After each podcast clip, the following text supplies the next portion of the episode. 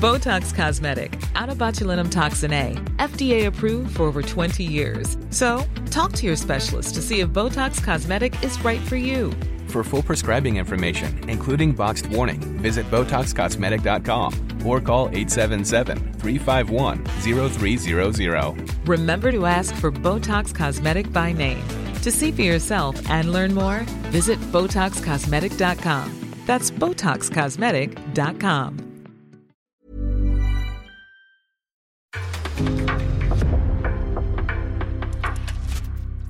En podcast från Aftonbladet.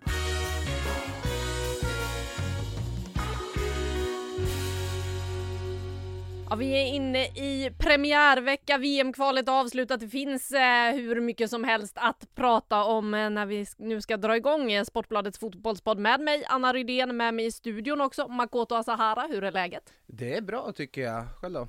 Du har fått det dansa igång lite här. Ja, det, det är lite annan ton eh, inför inspelning här på 5 plus än vad det är eh, när man kanske kör igång vissa andra poddar när det är musik och en liksom dedikerad producent i Julia som sitter här ute och är med i allting också och skickar tummen upp dessutom också.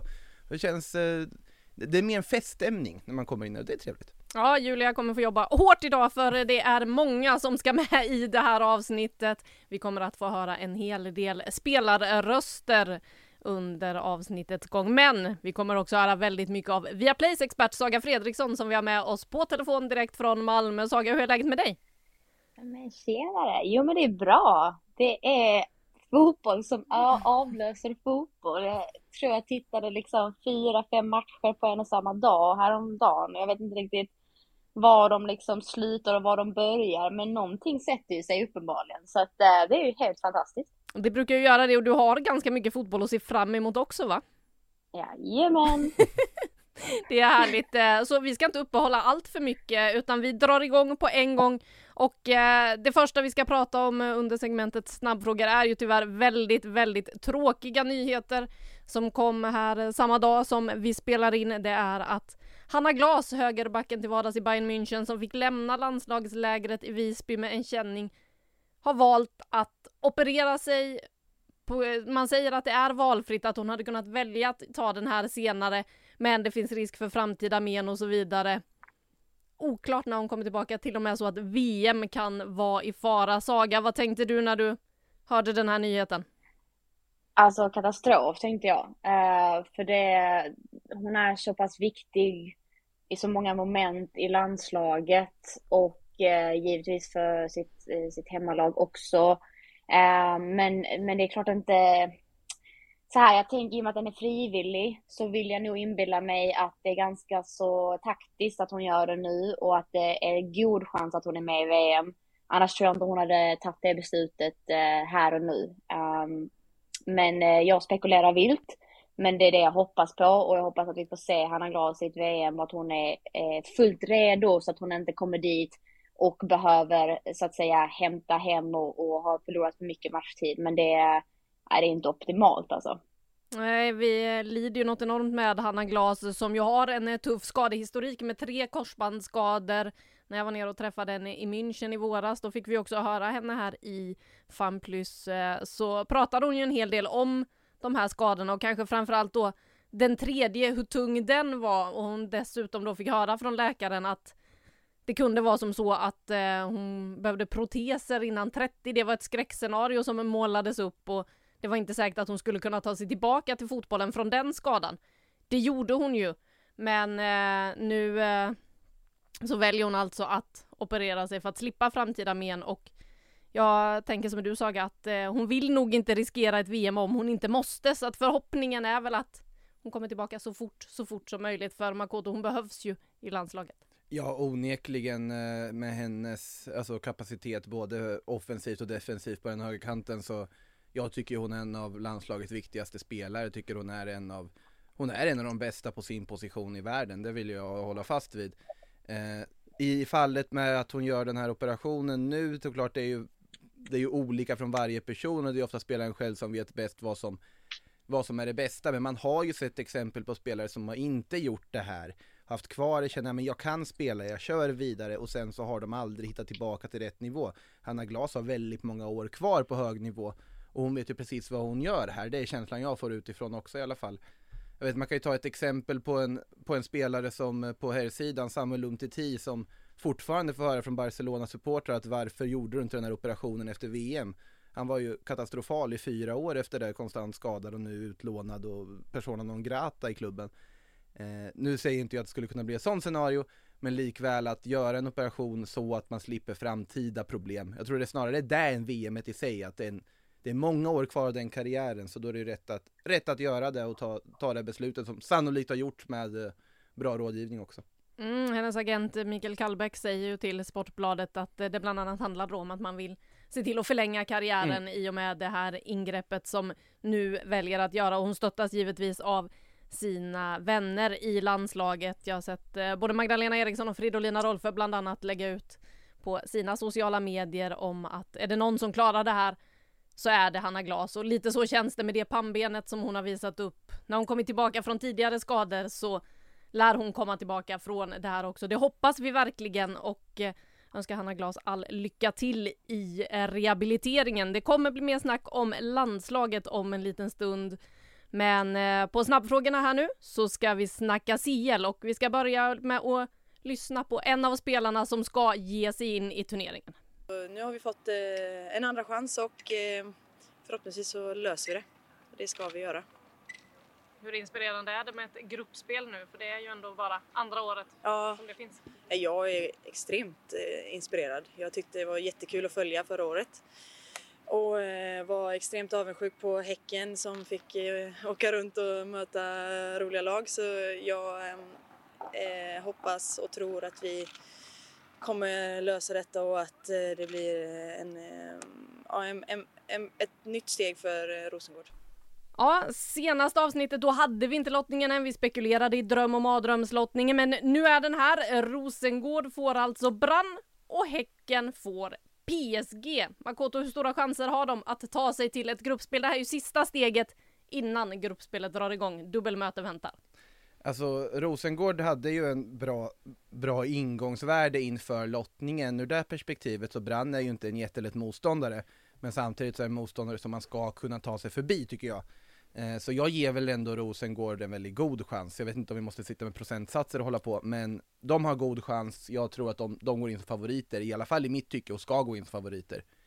Om Häcken tar sig vidare från det här dubbelmötet med PSG, ja då kan vi ju ta Gerdingpris och bragdmedaljer och allt vad det finns, för det, det ska inte finnas på kartan, förlåt, men det var det absolut värsta lottningen de kunde få.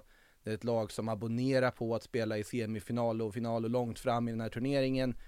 Eh, det, jag ger dem, ja, det är inte ens 5% chans i en sån här dubbelmöte. Så jag vill gå det så långt för att PSG ska lösa det här. Och om de inte skulle lösa det, ja då kommer tränare sparkas och det kommer bli kaos i den klubben på alla sätt och vis.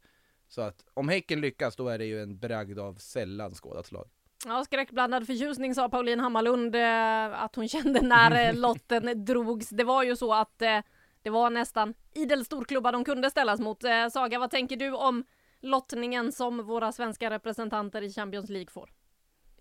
Eh, nej men enig med Makoto i att eh, Rosengård eh, har bara ett val och det är att vinna. Eh, de har all kapacitet att vinna. Man har rustat så pass mycket med alla nyförvärven.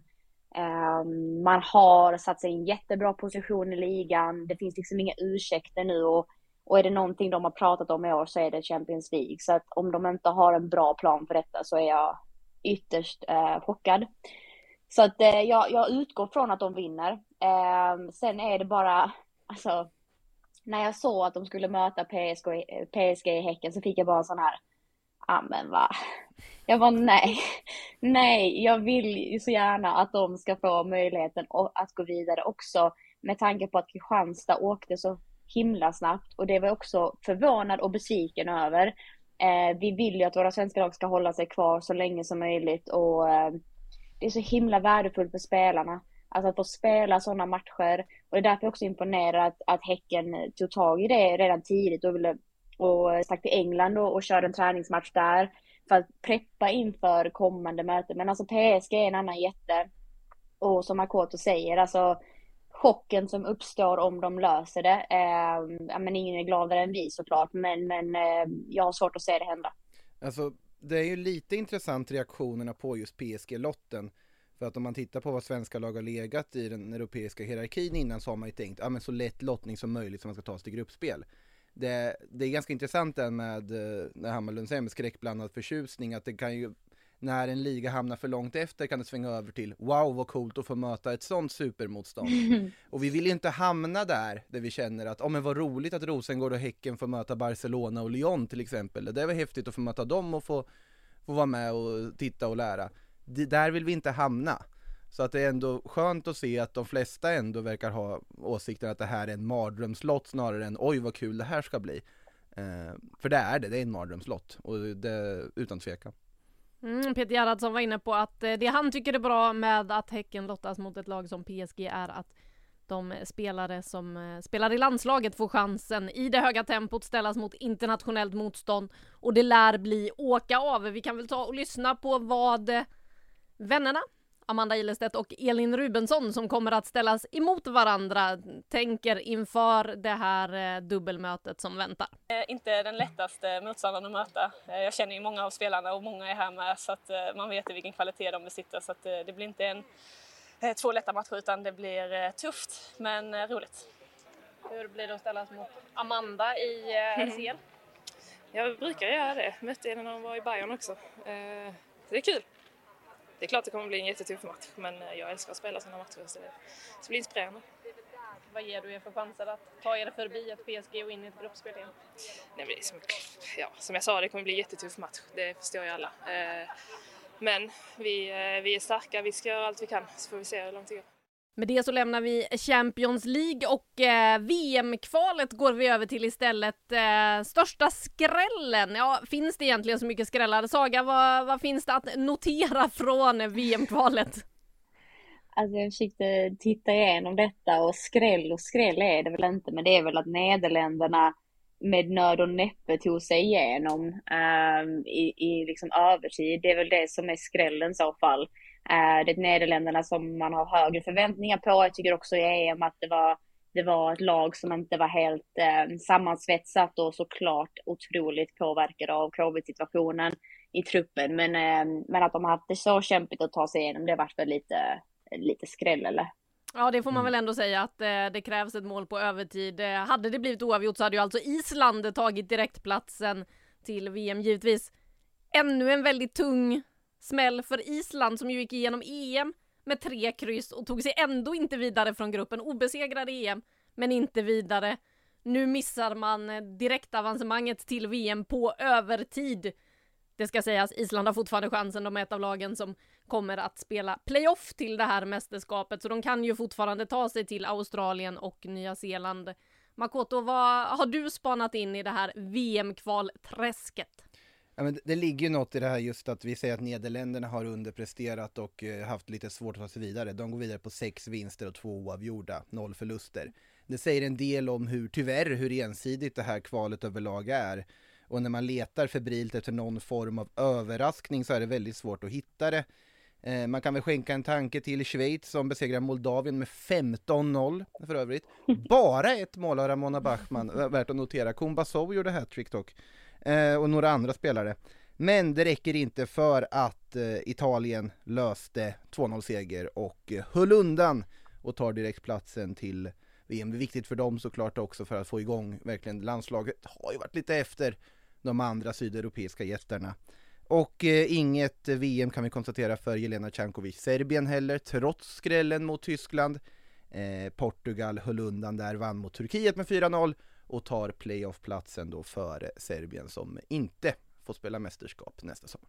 Nej, det är ju en skräll som vi faktiskt har fått se under eh, mm, det här kvalet så. när Serbien tvålade dit eh, Tyskland, något som Jelena Cankovic ju faktiskt pratade om när hon var med här i podden. Hon själv missade ju den matchen på grund av skada, men vi kan väl bara dra lagen då som har direkt kvalificerat sig från Europa till VM nästa sommar. Det är ju Sverige som redan var klara. Vi har Spanien ska också dit. Nederländerna, England, de behövde den här samlingen på sig för att bli klara. Du, de har 80-0 i målskillnad. Jag vet och ändå så var de inte klara för den här omgången. Galet. 30 inspelade Ja, poäng, herregud. ja, Ja. vunnit alla matcher. Klart de ska till VM. Eh, Danmark får följa med, Norge får också följa med. Vi har också då som nyss nämnda Italien, Tyskland och Frankrike som ska med till VM. Det är de direkt kvalificerade. I nästa fönster så kommer ju ett gäng då också spela playoff om de sista platserna från Europa till nästa sommars VM. Men med det så släpper vi VM-kvalet nu. Vi ska snacka mer Sverige och landslaget om en liten stund, men det är ju den stora premiärveckan eh, ute i Europa. Italienska ligan har visserligen smygstartat, men nu drar alla de stora ligorna igång. Så vilka vinner egentligen i the big five? Om vi börjar med Italien. Du ska få svara snart Makoto. Först ska vi lyssna på Linda Sembrant och Amanda Nildén. Jag tror att det kommer bli tuffare än tidigare år. Eh, senaste åren har det blivit tuffare för varje år. Eh, så att det var väldigt viktigt för oss. Någonstans Juventus har varit något som har lett liksom, eh, det hela framåt och alla klubbar. Alla vill ju, alla vill ju slå oss, så är det ju. Så att eh, vi behöver verkligen fortsätta utvecklas, eh, bli bättre och bättre för att, eh, för att kunna stå högst upp. Eh, men vi vill ju vinna återigen och eh, men som sagt de andra lagen har rustat upp mer så att det kommer bli ett spännande år tror jag. Plus att vi är färre lag eh, och ett lite annat eh, upplägg. Eh, så vi kommer ju spela flera tuffa matcher, eh, vilket är positivt. Vad har du för förväntningar på den här säsongen? Nej, jag tror, eh, tror det blir en riktigt rolig säsong. Eh, mycket lag har börjat satsa. Eh, och det blir nog den tuffa säsongen för oss hittills i ligan. Och sen såklart vill vi ta oss långt i Champions League också. Så det blir mycket viktiga matcher nu framöver. Och speciellt nu efter jag kommer tillbaka här när vi har mycket toppmöten i ligan och även playoff. Så det blir en viktig månad framför oss nu. Ni vann ju trippen i fjol, liksom. vad, vad ska ni göra i år? Nej, men det är klart, eh, vi ska inte ljuga. Det vill vi göra igen. Eh, så det är väl vårt mål. Eh, men vi vet det att det, det här blir nog mycket tuffare än vad det har varit tidigare. Ja, Juventus-spelarna är inne på att det kommer bli ett tuffare år, men stick inte under stolen med att eh, man vill vinna trippen i år också. Kan någon utmana eller ta Juventus hem det här Makoto? Nej, jag vill passa på att gratulera Linda Sembrant och, och Amanda Nildén till en ny ligatitel. Eh, absolut, all respekt till Milan som fått in Kosovare Asllani och har någonting positivt på gång på så vis. All respekt till Inter som har satsat också och andra klubbar som jagar.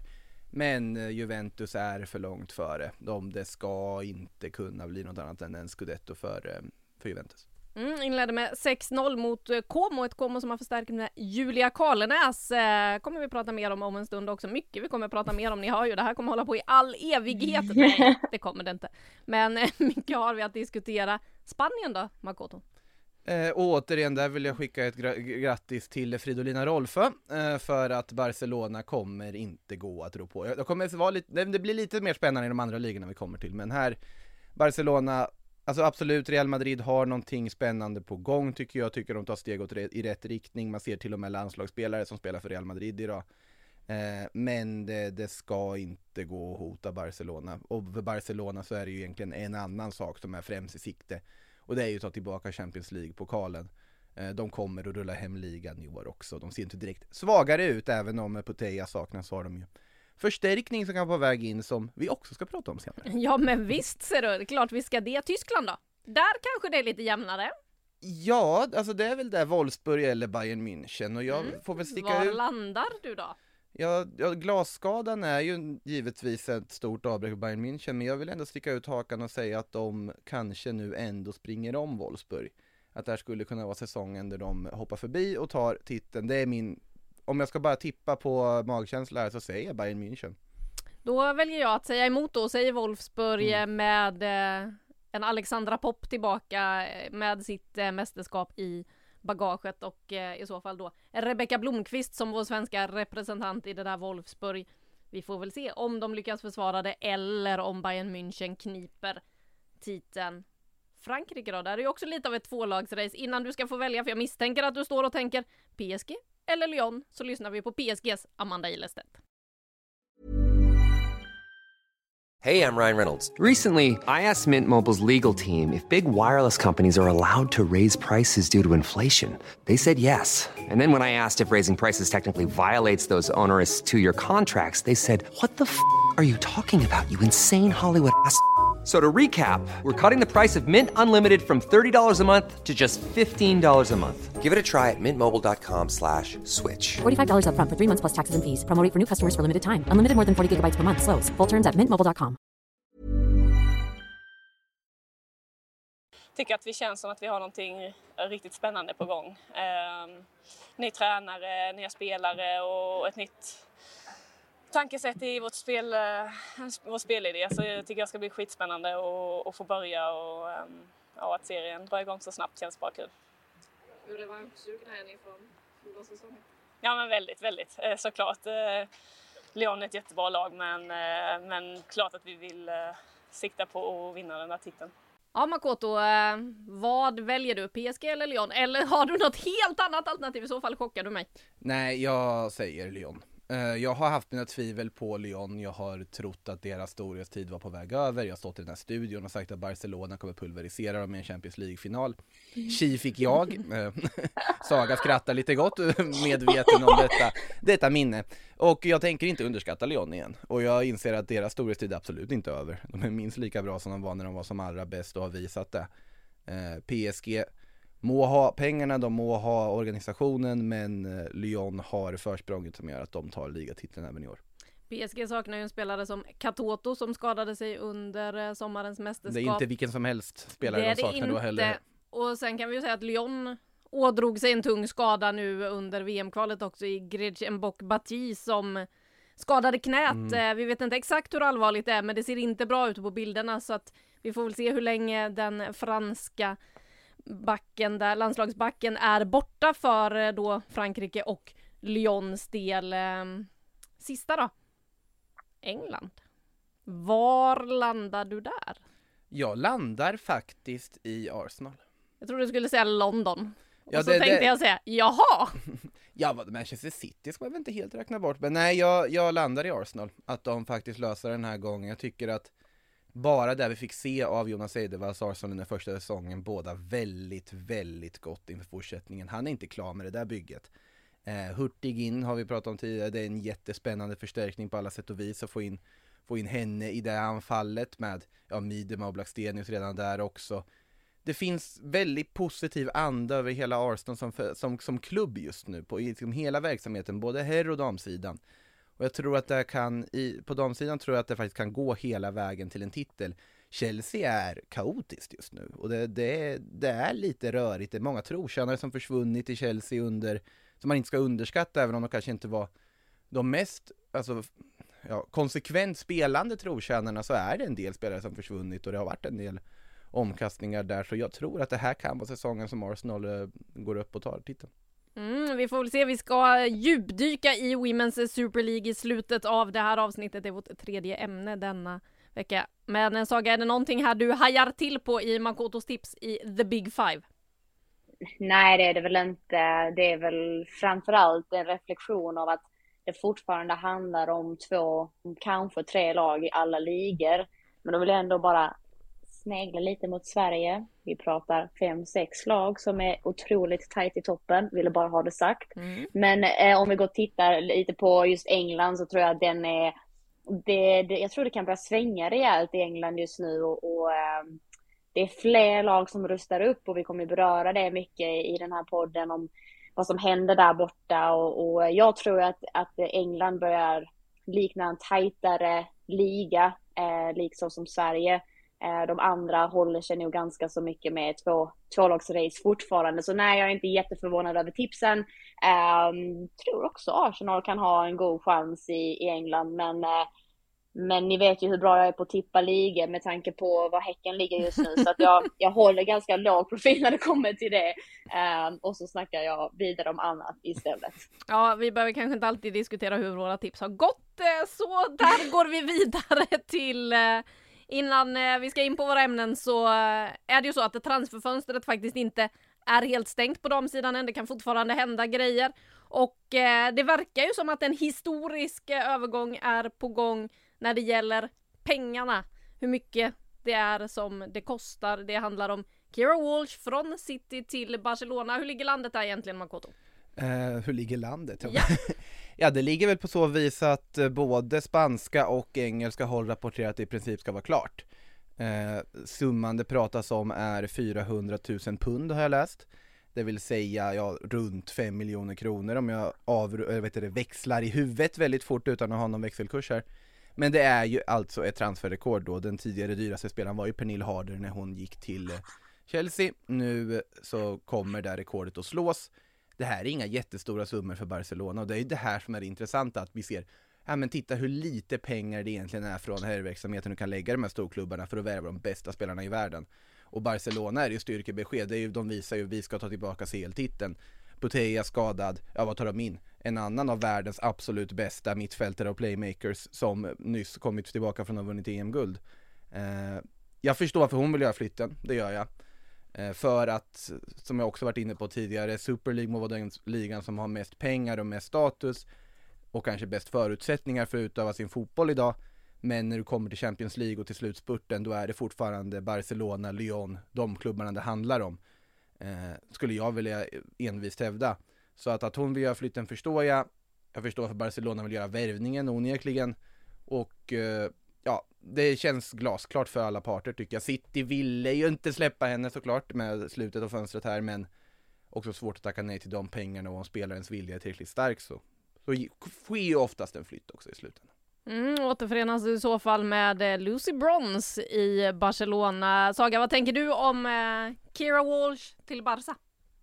Otroligt rimlig värvning för Barca. Det, och för, alltså precis som Makoto är inne på, jag, jag blev så jag ska inte säga imponerad, för bra visste jag att hon var, men just att alltså hur hon hanterar EM, vilken, vilken motor på mitten hon är och att, att hon kommer passa in i Barcelonas spel, eh, tvekar inte en sekund på.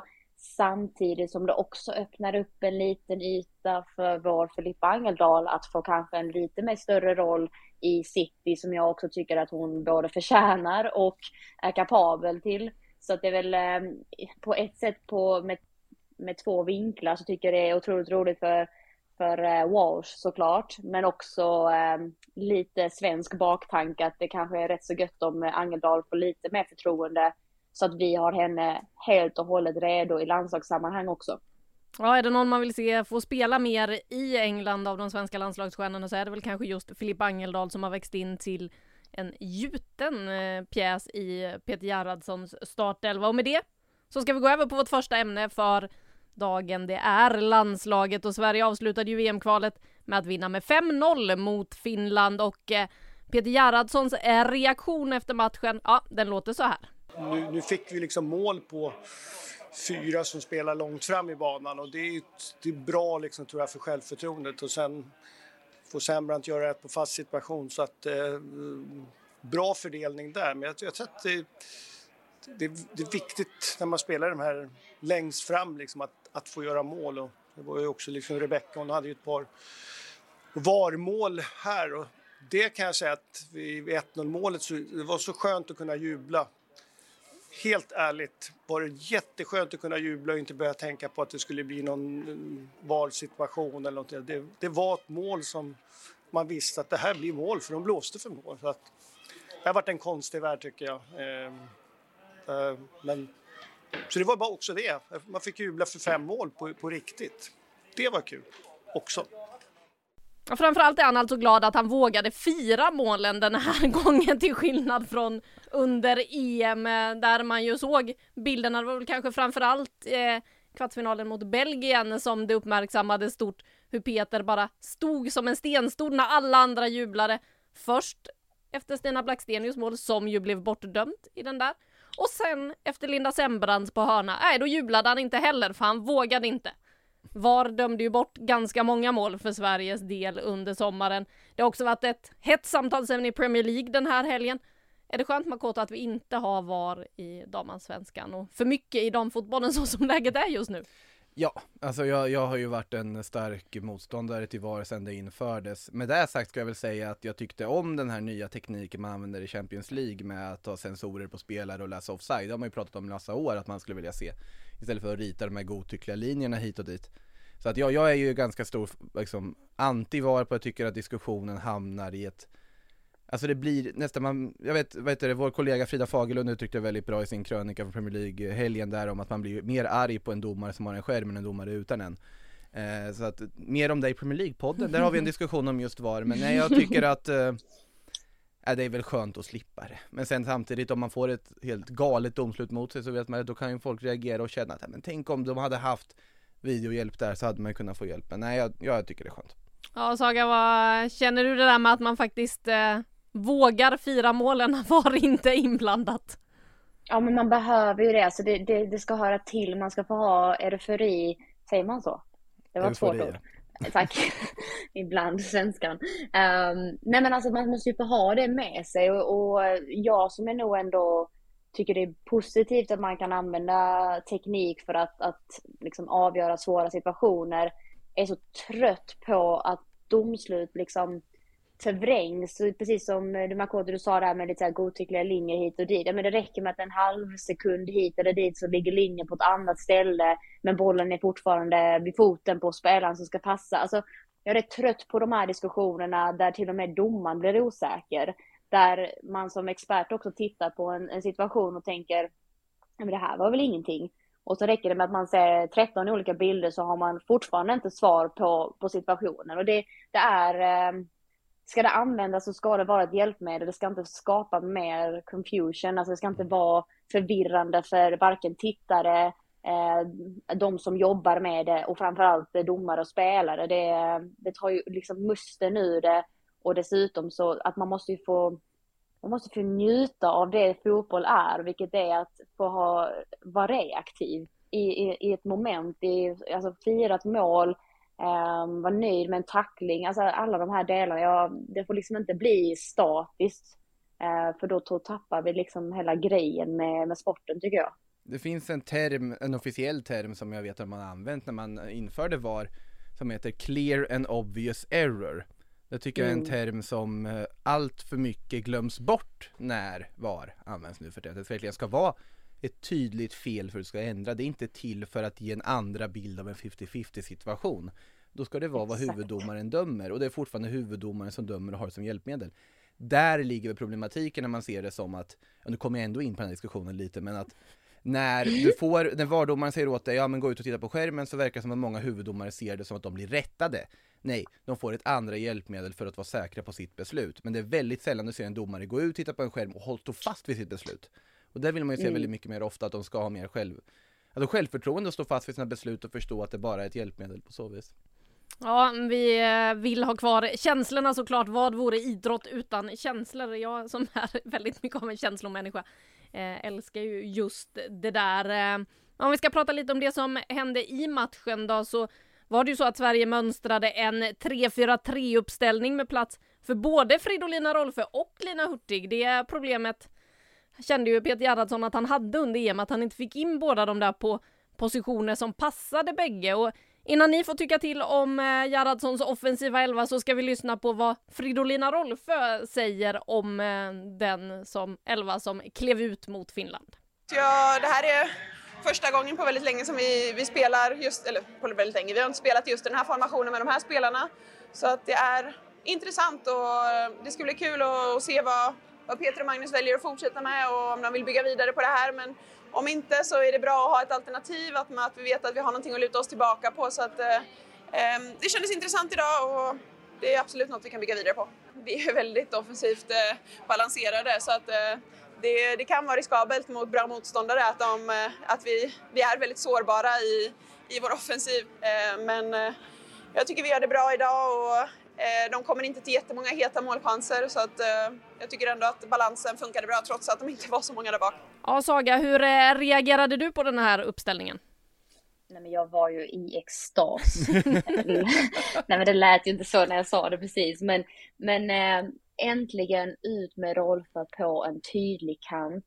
Jag vill inte se henne i mitten. Jag vill inte, hon, hon är så bra när hon får lite yta att ta upp fart på. Använda sin vänsterfot både vid inläggsläge men när hon bryter in så kan det bli ett bra skottläge. Hon, eh, om hon bryter in så, så hittar hon fötter på en Hurtig eller Asllani som är mer i en tia-position, släpande forward. Alltså jag har ju pratat om att Hurtig måste få vara andra vågen i, i inläggsspelet, men också ja, med ett hjälpmedel för Blackstenius som är så skicklig på djupledslöpen. Öppnar upp gata, yta för Hurtig och Asllani att verka på. Alltså, det kändes bara så här, ja men tack, det är det här jag vill se. Och sen ser man Björn tillbaka i backlinjen, så klockren på fötterna. Hon har ett par, ett par uppspel som jag bara tänker, alltså vilken gudabenådad spelare hon är. Vi måste liksom värna om henne, hon måste bara få växa i den rollen. Uh, och kanske faktiskt så att jag själv har ändrat mig lite nu och tänker, hon har inte på mittfältet att göra, även om jag tycker att hon är så bra där också.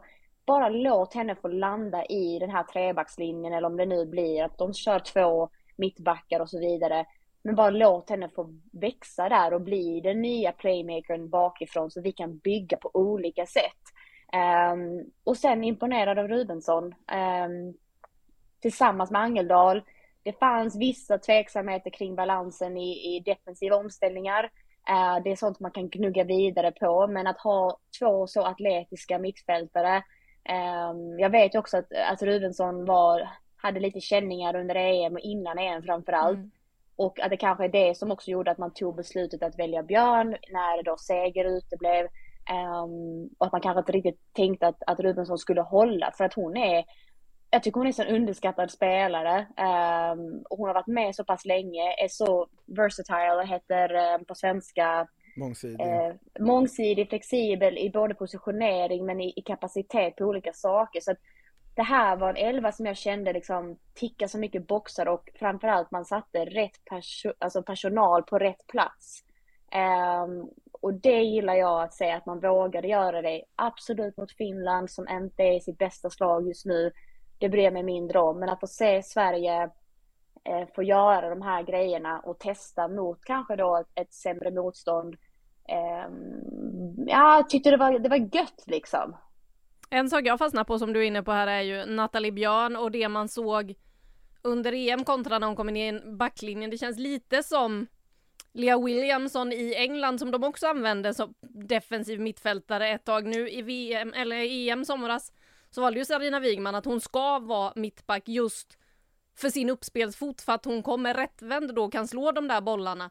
För det såg man ju också med Nathalie Björn en del under EM att Ja, nej, men det var en del situationer där de kom ner felvända istället och mötte boll och då kan hon inte utnyttja den där uppspelsfoten på samma sätt som hon kan när hon står nere i backlinjen. Så det, det känns som någonting värt att bygga vidare på. Peter Gerhardsson var ju faktiskt oväntat tydlig dagen innan matchen. Han helt plötsligt säger att nej, nej, men vi hade bestämt inför den här samlingen att Nathalie Björn är här som back. Mm.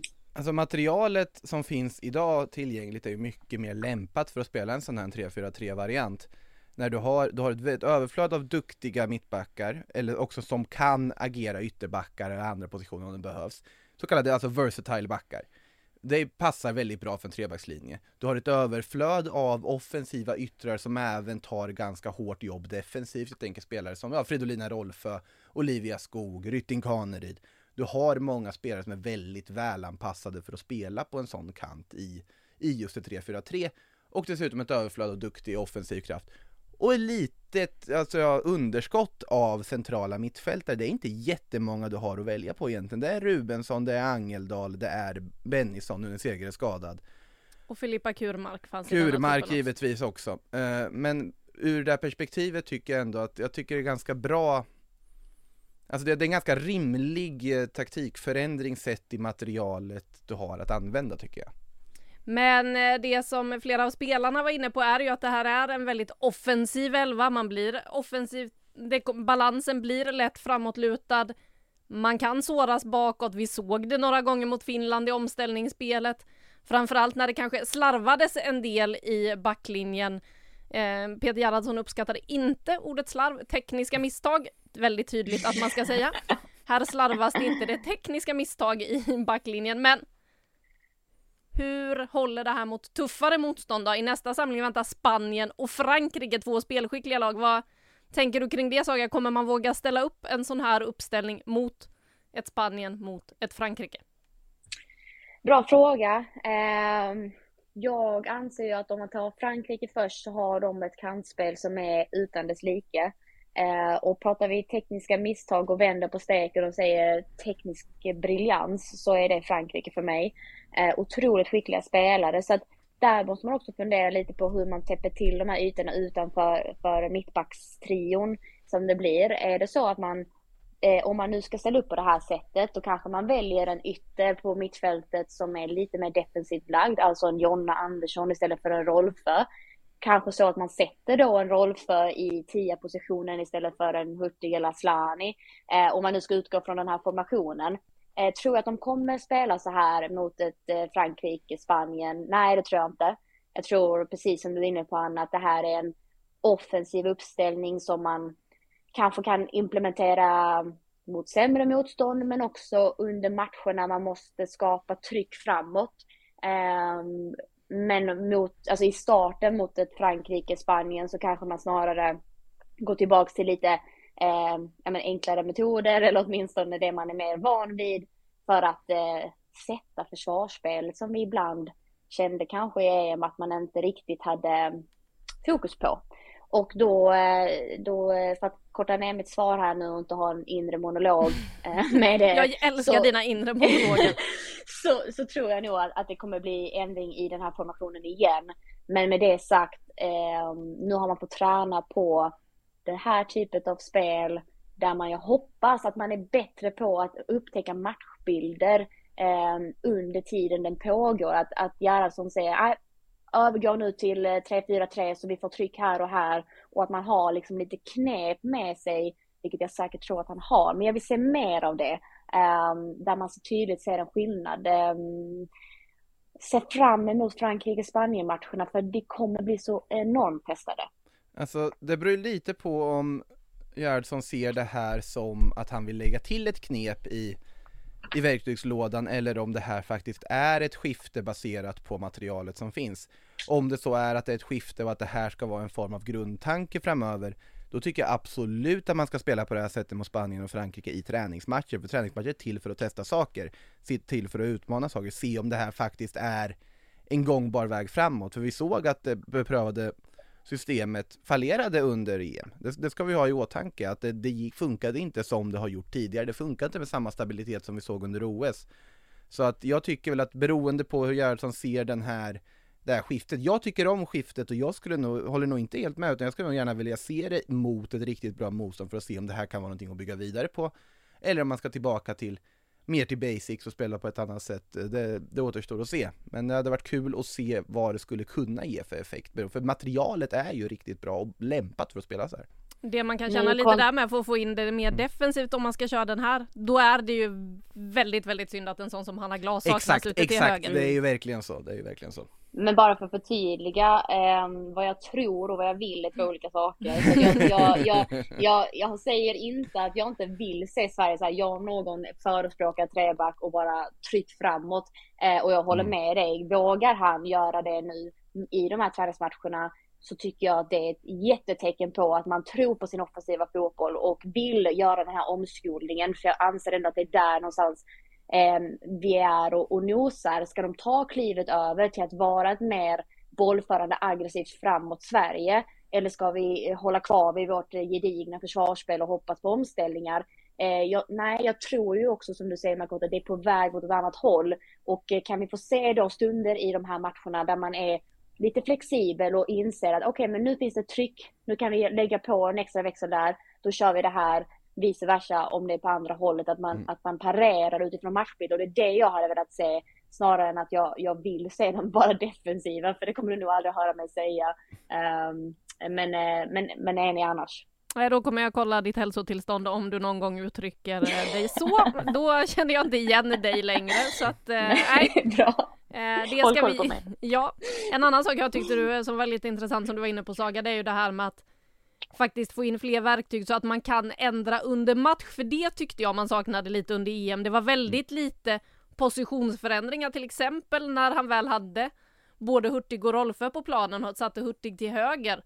Varför bytte de inte bara sida? Alltså de kunde väl bara bytt kant lite då och då. Det såg man ju till exempel i England flera gånger hur eh, Hempo Beth Mead valde att byta kant. Eh, bara sådana enkla grejer så att det känns som att mm, få in lite självförtroende i olika sätt att spela och just det där att våga skruva lite mer under match. Det känns som någonting Sverige kan behöva och eh, Fridolina Rolf, jag tror att eh, hon också uttryckte sig så att just det här få in lite fler verktyg, det är alltid positivt så att Ja, det blir spännande att se vad som väntar när Sverige alltså samlas igen i oktober för matcherna mot Spanien och Frankrike och en position som ju ändå får säga är helt öppen. Det är ju målvaktspositionen. I den här matchen så valde Peter Gerhardsson Häckens Jennifer Falk som säger så här om eh, matchen. Kul med fem mål och kul med nollan. Vad betyder det för dig när du får chansen här att också få hålla nollan? Eh, nej, men det betyder mycket såklart. Eh, det är alltid, alltså det viktigaste att vinna, men det är alltid en extra krydda att hålla nollan. Eh, så det var väldigt kul. Kul att få ja, men göra lite räddningar och vara delaktig. Eh, du ska lite betygsätta din egen insats. Hur ser du på det? Nej, något betyg vill jag inte sätta, men jag är nöjd med min insats. Jag tyckte att eh, det gick bra. Jag spelade så som jag vill spela eh, och det är viktigt för mig. Du utvecklar det så som du vill spela. Nej, men att jag är offensiv och att jag kommer ut, vågar spela utanför straffområdet, är lugn med fötterna och eh, ja, är delaktig. Ja, Saga, vad säger du om valet av Jennifer Falk mellan stolparna? Att jag inte var förvånad eh, att hon blev liksom första valet efter Hedvig. Även om eh, man har pratat om hennes höjd och, och så vidare. Samtidigt tycker jag hon är skicklig med sina fötter. Hon är en aktiv målvakt från sin linje. Hela tiden balanserar nära till sin backlinje. Så att jag var inte förvånad, men, men Anna, du och jag har ju pratat bakom kulisserna om just eh, det som händer i Chelsea. Och att Musovic såklart har en möjlighet att få väldigt mycket matchtid nu. Eh, på grund av att eh, Ann-Katrin Berger är eh, sjuk igen i, i cancer. Så att det, det är klart så att om, om Sechira får mer möjlighet att spela i Chelsea, i ett England, är det så att hon kanske får den eh, erfarenheten som krävs för att hon ska peta undan Falk just nu, äh, återstår att se. Äh, givetvis otroligt tråkig situation att äh, få första platsen äh, i Chelsea, men äh, viktigt för Sechira att, att, spela mycket matcher. Men just nu tyckte jag att det var inget förvånande val. Hon har trots allt varit andra valet sen, eller som jag uppfattat det, mm. efter Hedvig. Så att det för mig, det var inget konstigt. Jag tycker också hon gör en, en bra match. Ja, det gjorde hon och jag tyckte det var lite roligt när Peter Gerhardsson skulle förklara varför valet föll på Jennifer Falk i matchen just igår och pratade lite om de här omställningarna som Finland har, att man vet att de försöker hitta ytan mellan och att Jennifer är en målvakt som ofta kommer ut, som är med väldigt mycket i spelet och han eh, drog också paralleller till hennes bakgrund som tennisspelare, att hon är van att vara snabb framme på nät, att hon då är van att vara snabb ut från men, men, sitt men, mål. Men lite, lite, så här, det blir ju nästan lite löjeväckande att börja hitta på sådana anledningar när vi har sett att hon har varit andra målvakt som ni var inne på. Eh, bara konstatera att nej, jag tycker Jennifer Falk förtjänar chansen här nu, bara så. Istället för att hitta på att det för att hon var snabb fram på nät när hon spelade tennis innan. Om det var det som var anledningen så då skulle jag nästan vara lite sur om jag ser Kira Musovic liksom. Men om, om det var så att ja, Falk har, varit, har mest landslagserfarenhet, vilket hon har, eh, så är det väl ingen konstigt att hon startar. Nej, och hon har kanske inte testat så mycket i landslaget tidigare, fått stå mot Georgien och Lettland eller vad det är. Hon har haft ganska lugna matcher i landslaget mm. tidigare, Jennifer Falk. Eh, så det var kul att se henne igår där hon faktiskt eh, får göra en hel del, bland annat rädda upp när Magdalena eh, Eriksson ställer till det rejält eh, och Jenny Danielsson snor åt sig bollen, lägger den till Linda Sällström och Jennifer Falk står för en läcker benparad. Den var Magdalena Eriksson inte sen att hylla Jennifer Falk för och tacka för hjälpen, för då hade det ju kunnat bli en helt annan match. Det stod bara 1-0 vid det läget till Sverige så att eh, intressant där. Det som är är ju också att det kan ju faktiskt vara så att Jennifer Falk inte ens är med nästa samling. Hon kanske missar både Spanien och Frankrike. Och det är ju i så fall av roliga anledningar. Det är ju nämligen som så att Jennifer och hennes flickvän väntar barn som är beräknat att komma i oktober och eh, vi får väl se om hon är tillgänglig för oktobersamlingen eller om eh, hon är nybliven mamma då. Eh, kan ju vara som så att Peter Gerhardsson inte ens behöver tänka så mycket den samlingen. Botox Cosmetic, out of botulinum toxin A, FDA approved for over 20 years. So, talk to your specialist to see if Botox Cosmetic is right for you. For full prescribing information, including boxed warning, visit BotoxCosmetic.com or call 877-351-0300. Remember to ask for Botox Cosmetic by name. To see for yourself and learn more, visit BotoxCosmetic.com. That's BotoxCosmetic.com. Med det så lämnar vi landslaget. Vi ska gå över till damallsvenskan innan vi grottar ner oss i Women's Super League och eh, det är ju så att eh, Häcken nämndes som en av de stora guldkandidaterna tillsammans med Rosengård inför den här säsongen. Har halkat efter och eh, lagkapten Filippa Kurmark eh, säger så här inför återstoden av eh, damallsvenskan. Eh, nej men det, det, blir en tuff eh, höst för oss och eh, också nu får man väl kanske släppa lite då SM-guldet och fokusera på att liksom komma topp 2-3. Eh, Champions League är ändå viktigt för både oss som lag, för mig själv men också för klubben eh, och det är någonting vi vill verkligen vara med på. Eh, så att eh, ja, det blir, det blir tufft eh, i höst men det är också roligt att serien är så pass jämn som den är och det, det tycker jag är viktigt också för, för damallsvenskan att många kan vara med och, och kriga både om Champions League-platserna och SM-guldet. Det pratades ju om er och Rosengård i kampen om guldet inför den här mm. säsongen. Hur stor missräkning vore det om ni till och med skulle missa en Champions League-plats? Ja, det, det, är ingenting jag vill säga nu utan vi, vi får se vad som händer. Ja, hon äh, säger ändå att det kanske är dags att ge upp det där guldet nu, men äh, andra tredjeplatsen det ska man kämpa på. Jag var inte helt populär när jag ställde frågan hur stor missräkning det skulle vara om de till och med missar en Champions League-plats plats för Häcken. Äh, men Saga, hur ser du på Häckens situation?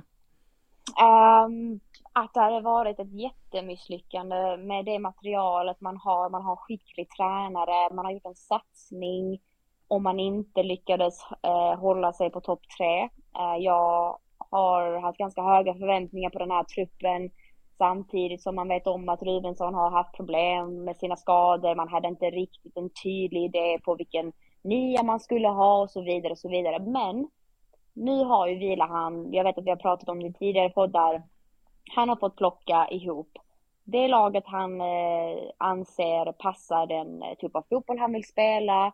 Han har fått jobb under en längre tid nu för att någonstans hitta olika sätt att anfalla på. För det var ju först ganska rakt, sen hade man lite problem med det uppställda spelet och, och så vidare och så vidare. Men med det sagt, eh, det jag är mest orolig för om jag ska vara ärlig, när det kommer till Häcken, jag, jag, tror, jag tror att de kommer lösa det här.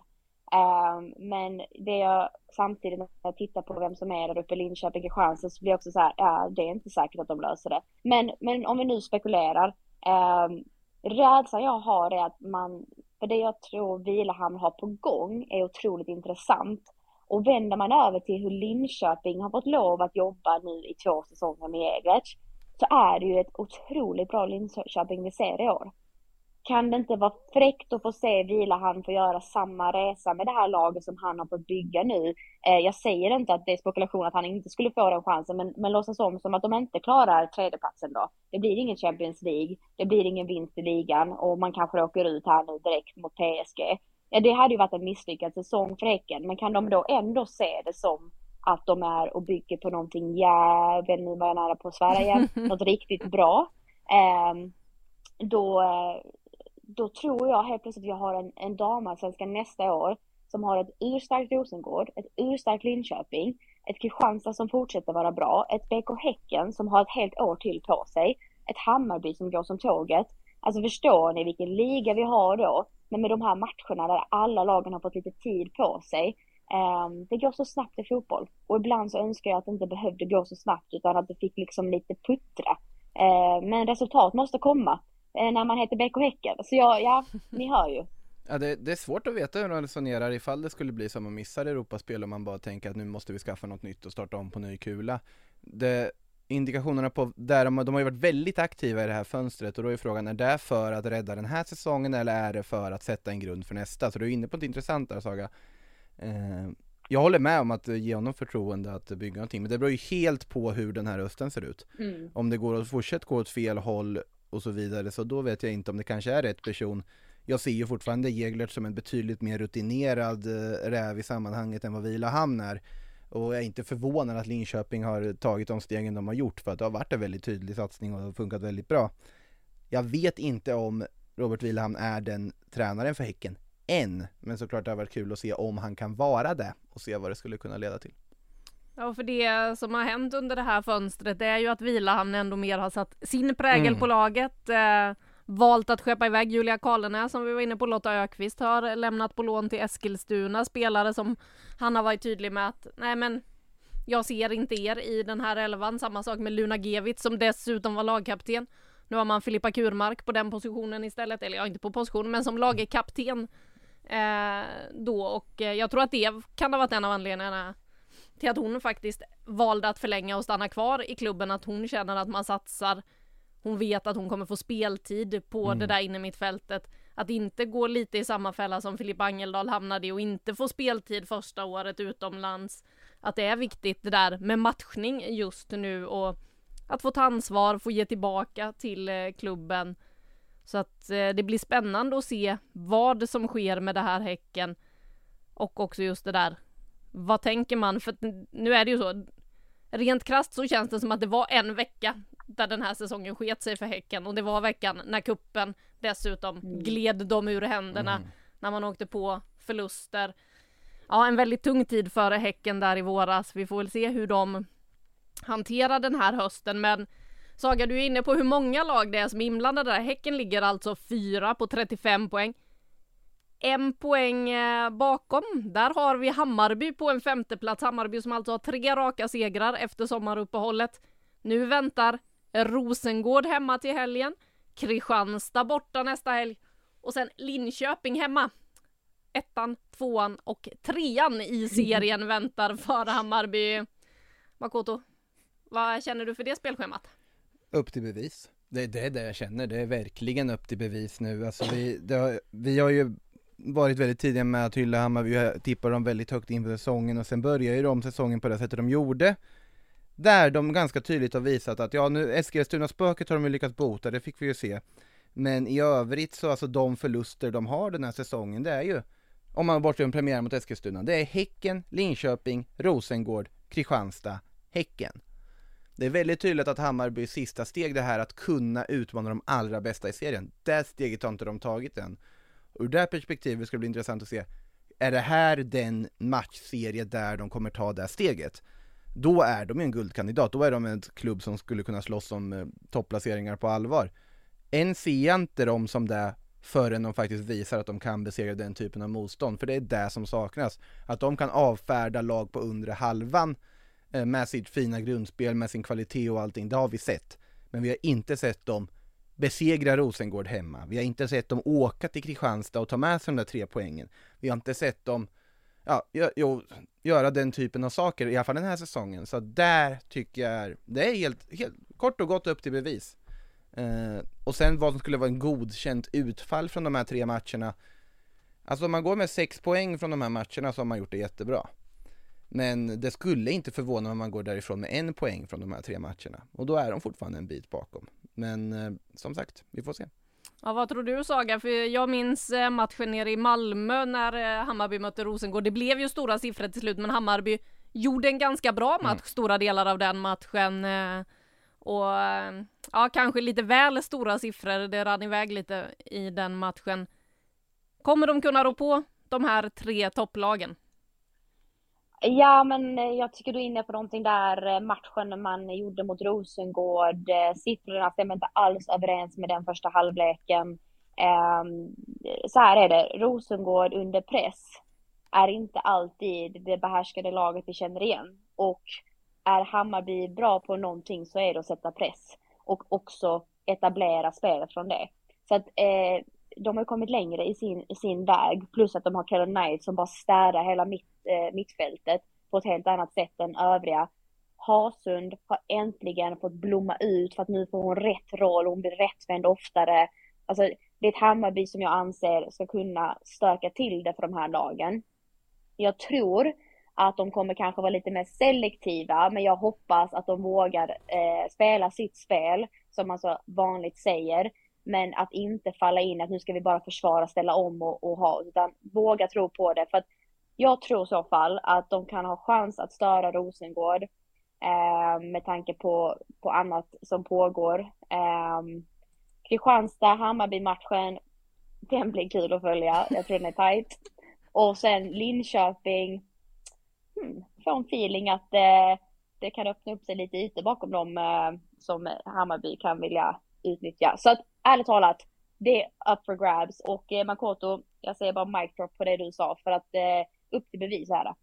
Ja, och eh, just Linköping, det är väl den matchen eh, hittills i år som eh, Hammarby är mest besvikna på sin egen insats i Linköping borta där man ju åkte på en betydligt klarare förlust då kanske än den mot Rosengård borta även om siffrorna var större nere i Malmö. Vi får väl se hur det går för Hammarby Linköping då som vi har varit inne på, de möter ju krislaget Eskilstuna som de har fått stämpeln med tanke på den ekonomiska situationen. En eh, match som vi ju faktiskt ska få kommentera på söndag Saga. Vad tror du om den fighten då? Kan Eskilstuna sätta käppar i hjulet på Linköping? Eskilstuna är ju då laget som ligger efter den här toppkvintetten som vi har pratat om. Ja men det man måste säga om Linköping är att eh, matchen de spelar mot Rosengård är, alltså den är så bra. De, de är så bra just nu. Men de kan inte göra mål, eller de gjorde, eh, den matchen ska jag säga, de gjorde verkligen inte mål den matchen. Eh, men de kommer till farliga lägen. Och det kommer de komma eh, mot Eskilstuna också. Eh, gör de mål på dem så tror jag att det är en klar vinst Linköping. Däremot, någonting vi vet om med Linköping är att deras backlinje är inte tillräckligt snabb. De har wingbacks, vilket innebär att det är mycket ytor på kanterna som en eh, väldigt snabb sugen Rogic säkert söker upp. Och det skapas ytor när hon ränner runt på planen. Så med det sagt så tror jag att det är en matchbild som kan passa Eskilstuna. Eh, och därav måste Linköping vara observanta på den omställningen. Men eh, att Linköping vinner skulle inte förvåna mig. Nej, vi får se vad som händer och sker. Det är i alla fall ett getingbo där uppe i toppen i damallsvenskan Eh, det kan bli ännu tajtare veckan som kommer eller så spricker det upp. Vi får väl se. Eh, med det så ska vi lämna damallsvenskan för det här avsnittet. För det är ju som så att till helgen så drar Women's Super League igång och eh, som vi var inne på innan så står det kanske framförallt mellan två lag och om vi börjar med de två lagen då så börjar vi med laget som är regerande mästarinnor.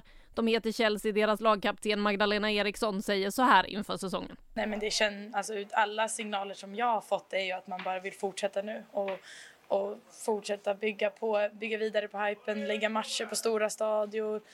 Eh, vi har ju sett effekten på eh, säsongsbiljetter i flera lag har ju varit en otrolig effekt så att eh, känslan är att man man bara kommer fortsätta uppåt nu. Jag tycker att Englands förbund är väldigt bra på att marknadsföra ligan och hitta nya sätt att, eh, att ta fotbollen till nya nivåer. Vad har du för förväntningar på dig och Chelsea inför den här säsongen? Eh, men alltid väldigt, väldigt höga förväntningar och nu högre än någonsin. Jag tycker att vi har förstärkt med fantastiskt bra spelare. Vi har behållit många bra spelare. Eh, vi har en otrolig konkurrenssituation i laget som är väldigt spännande och häftig så att kvaliteten på träningarna är är otroligt hög och eh, jag har spelat några träningsmatcher nu där det känns riktigt lovande så att vi, vi är otroligt taggade inför den här. Vi vill ju ta revansch i Champions League-gruppspelet framför allt. Vi vill återigen eh, eh, vinna ligan. Eh, alltså vi, all, vi siktar ju högt på alla fronter och det, det har vi med all rätt att göra för vi har ju truppen för det men jag tror att ja, ligan har ju fortfarande aldrig varit bättre än vad den är i år så det kommer ju nå all, det kommer vara otroligt tufft. Eh, men vi har alltid höga mål i Chelsea. Ni utmanades in i det sista av Arsenal i fjol. Eh, hur tajt tror du det blir i år och vilka tar hem det? Ja, men jag förväntar mig en, en, ett lika tajt eh, ligalopp som förra året. Det är ju så i ligan, man kan liksom inte, man spelar inte av en enda match. Man vet att det kommer bli tufft motstånd i varje match man spelar och det blir liksom ett ett lite sämre lag åker ur och så kommer ett nytt lag upp som har en ny satsning som gör att liksom standarden höjs ännu mer. Så att det kommer bli jäkligt tufft och, och lag kommer tappa poäng till höger och vänster till varandra så jag tror att det kommer leva ända in. Men eh, givetvis är målet att Chelsea står där och att vi får lyfta ännu en pokal. Ja, Saga, vad tror du om Chelsea inför den här säsongen? men spännande. Um, alltså, en av favoritspelarna höll jag på att säga, men eh, Jelena Cankovic, alltså bara det intåget är ju spännande att följa. Liten Conrad har vi berört. Eh, det är väl klart att eh, jag förväntar mig Chelsea som är, är minst lika starka. Eh, Sam Kerr kommer ju fortsätta där uppe på toppen och, och peta in mål. Så att, eh, lite nybygge trots allt. Eh, men spännande namn in och eh, ja, det, jag, jag, tror verkligen Chelsea, Arsenal kommer vara, vara de lagen som verkligen tampas fortsatt. Eh, så, så det är väl, det, det är väl de spontana tankarna helt enkelt. Det jag reagerar på också när man tittar på, du nämner ju Cankovic och Rytting Kaneryd som vi känner väl till från eh, spel i Sverige. Men även att man förstärker i försvaret med Buchanan, eh, kanadensiska mm. försvararen från Lyon. Och man får in Parisé, fransk landslagsförsvarare också. Det känns som att man stärker upp på alla fronter i princip i det här Chelsea, utom kanske då längst fram. Där har man ju också Pernilla Hade, man har Sam Kerr, man har Guro Reite. Ja, vi kan hålla på hur länge som helst känns det som. Eh, det finns gott om offensiva krafter i det här Chelsea. Vad tror du Makoto eh, blir Chelsea den här säsongen? Ja, jag har ju stuckit ut hakan och sagt att Arsenal eh, tar över kronan och eh, London blir rött Vad tror du Emma Hayes känner för det? Jag tror att hon absolut inte skulle hålla med. Eh, Emma Hayes är ju den alltså mest rutinerade, skickliga tränaren vi har i den där ligan. Hon har varit med för Men jag tycker på något sätt absolut, det är lite av generationsskiftet som skett. Eh, det är bra spelare som kommit in. Men känslan är att Chelsea också på ett sätt behöver ett uppvaknande Eh, för att kunna nå nästa steg i Champions League och så vidare och de kommer ha många ögon på Champions League, det råder ingen tvekan om det för de är inte nöjda med vad de har presterat där. Det, det är ju glasklart. Och det tror jag kan påverka ligaspelet, Arsenal desto mer inställda på att det är VSL de ska gå in och vinna. Eh, det tror jag kan tala för att det blir de.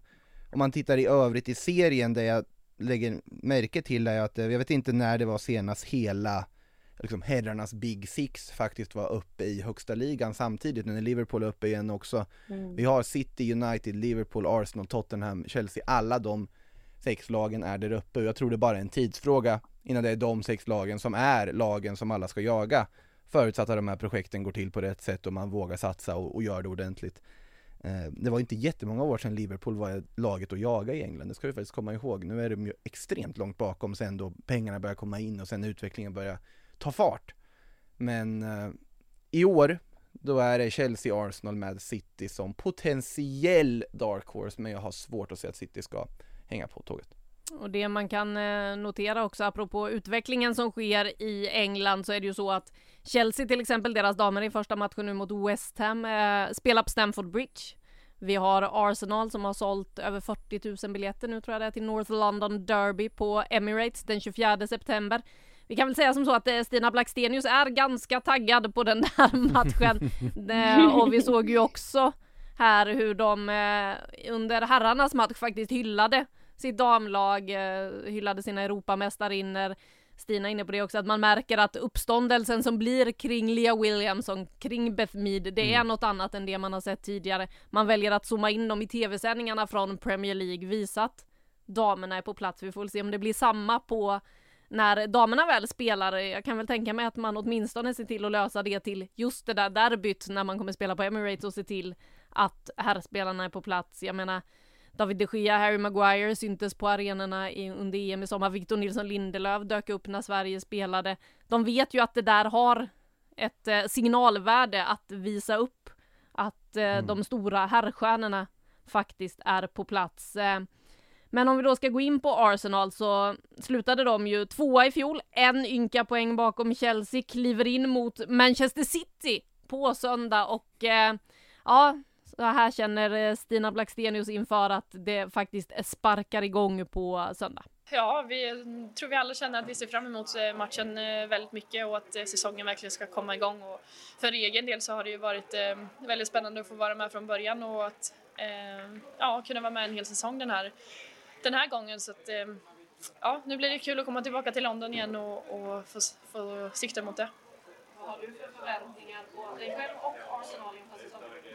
Eh, men, eh, jag har väl inte funderat jättemycket på det så utan jag vill eh, fortsätta kunna bidra med, med de kvaliteterna jag har och hoppas så, såklart att få spela så mycket som möjligt och kunna utveckla samarbetet med, med de, eh, de som redan spelar där. Och, ja, att det ska gå så bra, så bra som möjligt rent eh, poängmässigt och, och som anfallsspelare vill man ju alltid bidra med poäng så jag hoppas att kunna, eh, kunna göra det.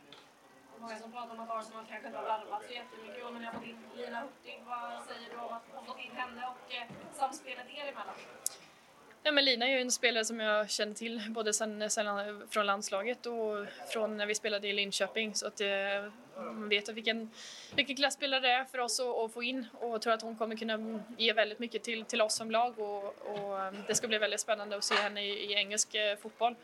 Eh, jag tycker också att det sett ut som att hon har kommit in i det väldigt bra även om man vet att det är väldigt mycket första tiden. Så att det, eh, och sen såklart kul för egen del att få, få in ytterligare en svenska. Ja, inte helt oväntat så äh, säger ju då Stina att äh, Arsenal tar hem det. Hon är med på ditt spår äh, Makoto. Det är Lina Hurtig också. Du behöver inte oroa dig. De är svenska Jag, jag är inte ett dugg förvånad om vi säger det. Var tjänstefel av dem att inte vara med på det här spåret. Ja, lite så. Vad tänker du kring Arsenal då? För eh, Saga, tittar man lite på hur de har värvat jämfört med Chelsea så har det varit väldigt lugnt i Arsenal. Det är Lina Hurtig man har plockat in. Däremot så har det försvunnit en rad, men det har liksom inte varit ett sånt inflöde som man har sett i Chelsea. Nej, samtidigt så har de en, en otrolig grund att stå på. De är, de är säkert ganska nöjda med förra årets trupp och hur de har arbetat. Um, alltså Beth Mead är i storslag just nu. Uh, Williamson med allting hon tillför. Uh, en sån som uh, att just Hurtig kom in. Tycker jag, det är så, det är så tydligt att man, man har tänkt till där. Alltså Eidevall, alltså klokt. Få in henne, jobba tillsammans med Blackstenius, de känner varandra från landslaget. Det kommer också mynna ut att landslaget blir ännu bättre när de får jobba ihop. Alltså det, är, det är väldigt mycket positivt som händer i Arsenal som jag tror eh, ja, men de har liksom fått vässa till. Och sen eh, Rafael tyckte jag var eh, riktigt bra när hon kom in och, och det är liksom ett välfungerande lag. Och sen har man spetsat till lite grann. Så jag tror att det där handlar ju mer om att Eidevall ska få, få liksom etablera sin trupp ännu mer och, och hitta sin prägel på, på alla dess kanter. Så att det, nej, men jag tror att det, det blir en tajt strid där uppe och, och eh, generellt också, jag vet att vi kommer komma in lite på det, men det är fler klubbar som har rustat desto mer och det tycker jag är en härlig signal att man inte är nöjd med kanske placering från fjol. Um, men jag ska inte spoila det så jag håller mig.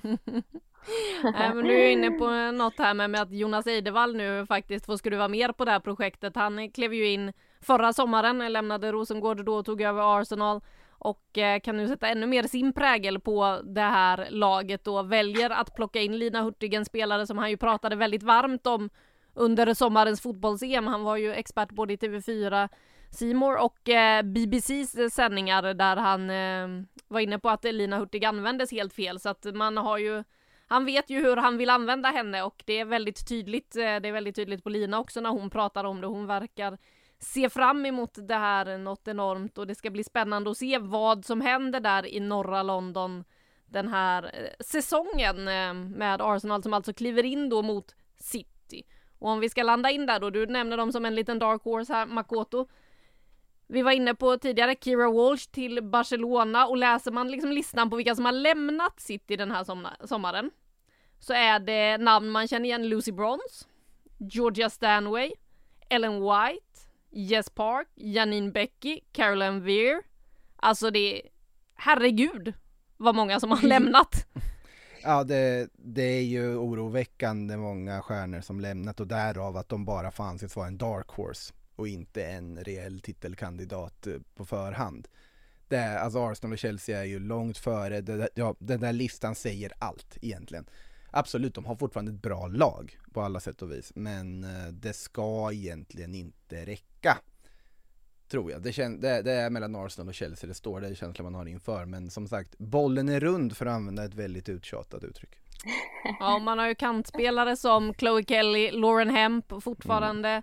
Om man tittar på vilka som var med i det här laget som eh, spelade och ju faktiskt åkte på stryk mot Real Madrid i Champions League. Eh, men vi har ju varit inne på det, vi har ju en svensk spelare där också i form av Filippa Angeldal. Det pratades en hel del i fjol om att hon hade problem med att få speltiden i City och vi kan väl lyssna på hur hon själv ser på situationen inför hösten. Nej men självklart vill jag spela. Eh, jag känner att nu jag har lärt mig väldigt mycket om förra året så det tar jag med mig nu och jag kommer verkligen göra allt jag kan för att få spela och sen och sen är det upp till tränarna att ja, men, ta ut laget men jag kommer fortsätta kriga och såklart vill jag ha speltiden. Hur tuff är konkurrensen i City? Nej men det är bra, bra spelare, alla är landslagsspelare så det är klart att det är tufft. Eh, så ja, men det är bra nivå och det är så det ska vara. Det är konkurrenssituation så det är den miljön man utvecklar sig så ja. Vilka tror du tar hem ligan i år? Såklart, jag måste säga City. Ja, Saga, hur viktigt är det att eh, Angeldal faktiskt får lite speltid och tror du att det kan öppna upp sig för eh, Angeldal nu? Ja men det tror jag absolut. Eh, tror och hoppas ska jag säga. Eh, men jag tycker det är viktigt. Eh, jag tycker, jag har sagt det tidigare, det var en klar skillnad på hur hon spelade i OS när hon hade fullt förtroende i BK Häcken versus hur hon kanske kunde ta sig an EM med lite mindre speltid. Så att nej, jag tycker det är viktigt att hon får, får mycket fart i, i benen och, och känner att hon har liksom flyt i det hon gör. Eh, och ändå presterar hon så bra som hon gör, vilket är, alltså det är bara hatten av liksom. En annan rolig grej som jag ändå tycker, vi pratar lite om trycket i England. Och hur mycket man liksom eh, premierar spelarna för deras insatser i EM och så vidare. Eh, en sån som Chloe Kelly som gör avgörande målet eh, har ju fått sin egen busslinje uppnämnd efter sig. Alltså det är den nivån i England. Kan ni tänka er i Sverige om det skulle hända då? Alltså det, har det hänt typ? Det är ju de här parkerna i och för sig som, som man får, får ändå säga, både Aslan, jag tror eh, Eh, Nilla har någon eh, liksom fotbollspark, eh, tjosan. Eh, jag vet inte exakt vad, vad de ser ut. Men jag menar det är det kanske. Men alltså i England då pratar vi att en busslinje ändrar namn för att hon har gjort ett avgörande mål. Eh, Alessia Russo som gjorde klackmålet mot oss i, eh, i semifinalen. Eh, hennes skor blev inlagda på eh, Tower of London. Och liksom, det, alltså det är liksom en helt annan nivå där borta i hypen. Och det är väl det som är så roligt att följa. Så jag, jag tog en liten sidetrack här nu, men det är, ändå, det är ändå rätt sjuka grejer. Alltså jag vet inte, jag tycker det är sjukt i alla fall. Ja, det är väldigt häftigt att se allt det där som eh, händer och sker där borta och uppmärksamheten som det ges. Man hoppas ju också att den här hypen verkligen håller i sig och spiller över under säsongen och att det blir häftiga upplevelser med till exempel de här stora matcherna som eh, man ändå planerar för och som ska spelas under den här säsongen i England. Men det, det här, eh, det här med liksom hypen, på något sätt Sverige är väldigt dåliga på att bygga sån hype på den nivån. Sen reagerar jag lite på att lägga in Alessia Russos skor i något som var fängelse tidigare, det känns en väldigt underlig plats att placera dem på. Eh, men jag tänker bara på när Japan vann VM-guld och blickar tillbaka när det var 2011 där när Homaresawa var i varenda tv-program du kan tänka dig. Hon skulle stå där och börja prata liksom medicinska frågor i något så här panelprogram. bara för att alla program skulle ha Homaresawa i varenda program. Och så var det alltid några av hennes lagkamrater med och de var överallt, syntes hela tiden och det var sån otrolig boom. Eh, det är kul att se att det kan ske i Europa en sån galen boom också, kanske inte riktigt på samma sätt som det gjorde i Japan. Tyvärr har ju den dött ut därefter och det landslaget har väldigt mycket att fundera på inför fortsättningen. Men eh, Sverige har varit ganska dåliga, sen kanske det behövs ett guld också för att man ska verkligen få den här superhypen. Men när det skulle bli ett guld så är det svårt att se att man skulle typ ja, döpa om Skanstullstationen till Stina Blackstenius uh, station. Liksom. Det, man har svårt att se det. det. jag hade gärna sett det, det är det jag försökte ja, det, jag, jag hade också gärna sett ja, det, men det, ja. svårt att se det dock. Ja, och eh, frågan är väl då hur länge man lyckas hålla i hypen. Eh, det är väl det som behövs också, att det blir ihållande det här eh, jag vet att eh, vår vän och kollega Frida Fagerlund som befinner sig i England var inne på det under EM också när Jordan Henderson dök upp i en tröja där det stod Williamson på ryggen. Så sa hon det att ja, är det någonting engelsmännen kan så är det att bygga en hype. De vet precis vad det är. Mm. Magdalena Eriksson var också inne på att det här med PR, det kan man i England. Så det gäller ju bara att det faktiskt får det uppsvinget, det marknadsvärdet, så att man känner att det är värt att hålla i det. Och apropå hype, så fanns det ju ett lag som hypades rejält förra säsongen, framförallt av sig själva inför i form av Everton som varvade och varvade och varvade och varvade bland annat Nathalie Björn, Hanna Bennison och Anna Anvegård från eh, Rosengård. Anvegård är ju nu tillbaka i Häcken men eh, Bennison och Björn är ju kvar. Eh, den där satsningen förra året, den landade ju absolut inte där uppe där man sa från början från klubbhåll. Eh, nu har de fått in en ny tränare, eh, danske Brian Sörensen och eh, Nathalie Björn är ändå väldigt mycket mer optimistisk inför den här säsongen. Vi säger Danish FC now. Nej, skämt åsido, det, det känns bra. Vi har haft eh, tre träningsmatcher. Eh, som jag varit med på Vi spelade en mot Häcken, en mot Villa och en mot United. Och eh, det känns bra hittills. Eh, Brian är en väldigt duktig tränare. Eh, väldigt taktiskt och väldigt eh, fokuserad på sättet han vill spela. Så att det känns faktiskt bra. På vilket sätt eh, menar du att eh, man har fått ordning på laget då? är väldigt tydlig i sättet han vill spela. Eh, vill inte ändra sig mycket om vi spelar mot Chelsea eller om vi spelar mot Villa utan har sina principer i hur vi vill pressa, hur vi vill bygga upp, hur vi vill formera oss i vissa situationer och det har vi inte haft förut. Var det mycket liksom, svängigare förra året med de grejerna? Ni bytte ju också tränare. eller? Ja exakt, vi bytte ju tränare tre gånger så vi fick aldrig en identitet i princip. Men blir det lite mer likt som ni har det här? För här är ni ju väldigt vana just med att ni vet exakt hur ni ska spela. Ja, det skulle jag säga. Vad, hur skönt är det att få börja en ny säsong med Everton? Och lägga Eh, förra? ja, nej men det är jätteskönt såklart och som sagt jag har fått en bra start och känt liksom, nu har jag inte varit, jag var hemma två och en halv vecka innan jag skulle iväg igen liksom. Men de veckorna som jag var hemma så kändes det bra och eh, har en god känsla inför seriepremiären. Du var inne på att eh, du fick lära dig en hel del att förlora förra säsongen och hur det var. Vad har du för förväntningar på den här säsongen? Eh, jag har inte förlorat lika mycket i alla fall, nej. Men jag tror ändå att vi kan spela bra fotboll i år. Så är tron nu och så känner jag just nu att, att vi kommer spela en rolig fotboll, en bra fotboll som kommer göra att vi kommer ligga högre upp i tabellen. Och jag tror verkligen inte att vi kommer behöva slåss om överlevnad i år. Eh, Men ett bättre lag eh, hoppas jag på. Det känns som att vi spelar lite mer nu och har fått till det lite bättre. Eh, Så jag hoppas på att vi spelar bättre fotboll och, och vinner fler matcher såklart också. Hur ser du på din egen roll? Jag hoppas på mer speltid. Eh, Just nu har jag spelat mycket som tia eller som wing. Eh, Så att det känns bra. Jag tycker om att vara offensiv och vara kreativ där uppe. Så att jag hoppas på mer speltid detta året. Jag älskar också smeknamnet det blir på den här duon som vi nyss hörde om man säger Björn och Benny. Det är en bra svensk duo i Everton. Ja, det är magiskt ju. Ja, Otroligt bra, otroligt bra. den är, den, den, den är stark det är den. eh, Och Saga, vad tänker du då om Everton den här säsongen? Förra säsongen som Björn är inne på, de hade tre tränare, det stormade. Herregud vad stökigt det var. Ja, precis. Och eh, nu har man som varit inne på, eller jag var inne och hintade på det här, värvningarna man har gjort är ju hyperintressanta. Eh, Veje har kommit dit från Rosengård. Elise Stenevik är färdig från Eskilstuna som går över. Eh, de har också värvat in två unga, ja, unga, unga, ja men det får man ändå säga att de är, de är 23 år gamla. Eh, två danska spelare som tränaren har ganska bra koll på, har jobbat mycket med eh, Fortuna Görring ihop.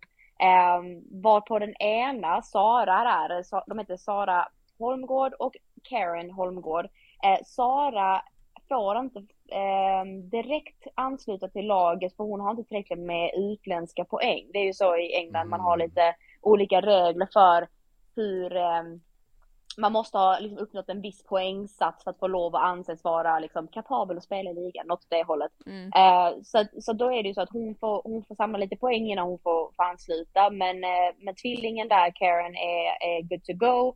Och eh, de tillför liksom unikitet till laget. Sara har en fantastisk vänsterfot, eh, tekniskt bra, både defensiven och höjdspelet. Hennes tvillingsyrra, en riktig mittfältsmotor som, eh, som ska också vara riktigt duktig på höjdspel och, och defensiven. Så att det känns som det händer mycket. Det känns som att det är en tränare som har plockat också spelare som de anser, eller som han anser eh, tillför någonting till hans spelmetodik eh, och ehm, ja men det är roligt att se att det händer och att de verkligen har vågat satsa här nu. Så att, lite var jag inne på, de är inte nöjda med sin prestation tidigare år.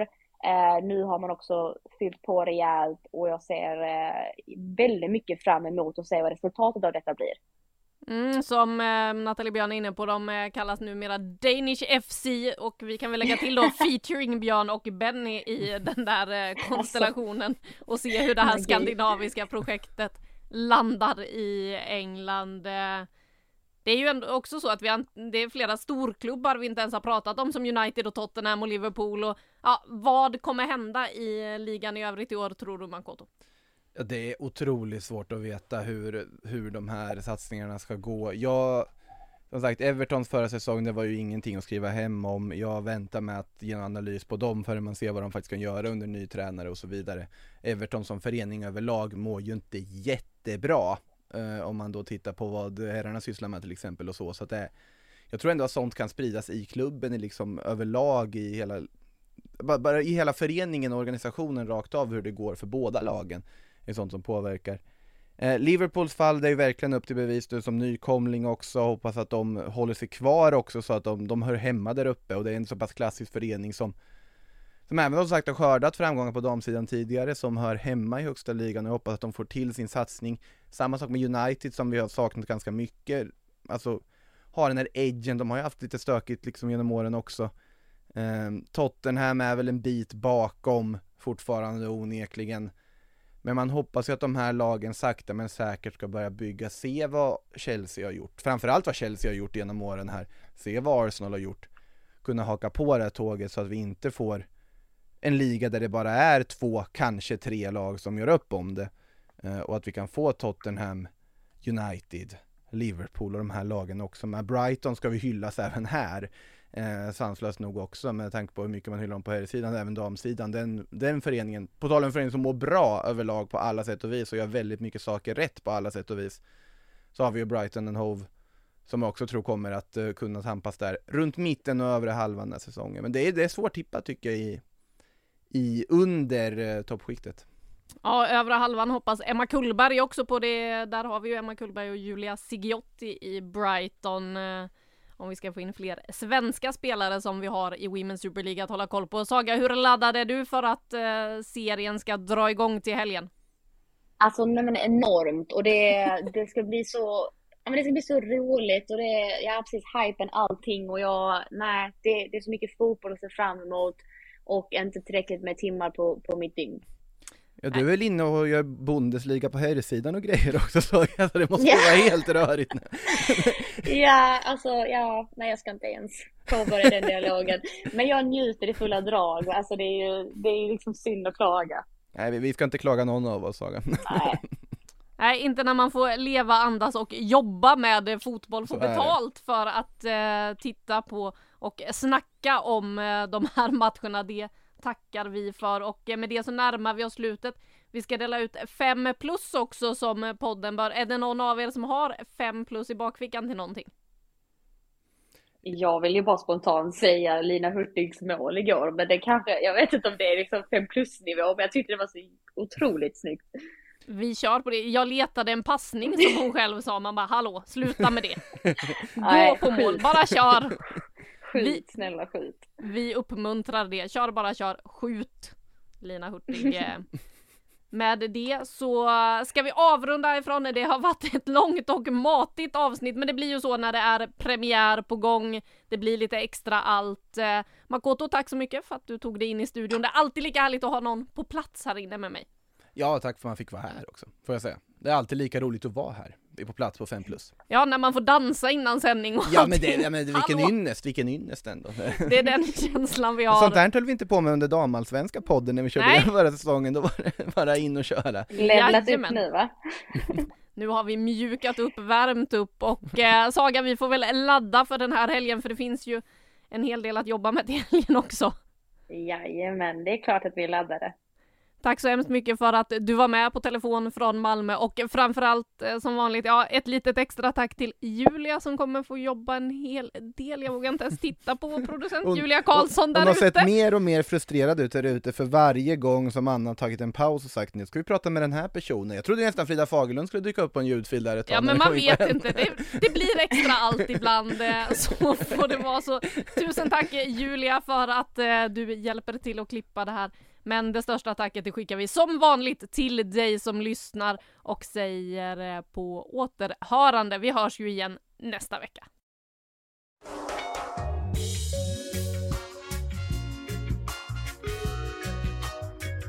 Du har lyssnat på en podcast från Aftonbladet. Ansvarig utgivare är Lena K Samuelsson.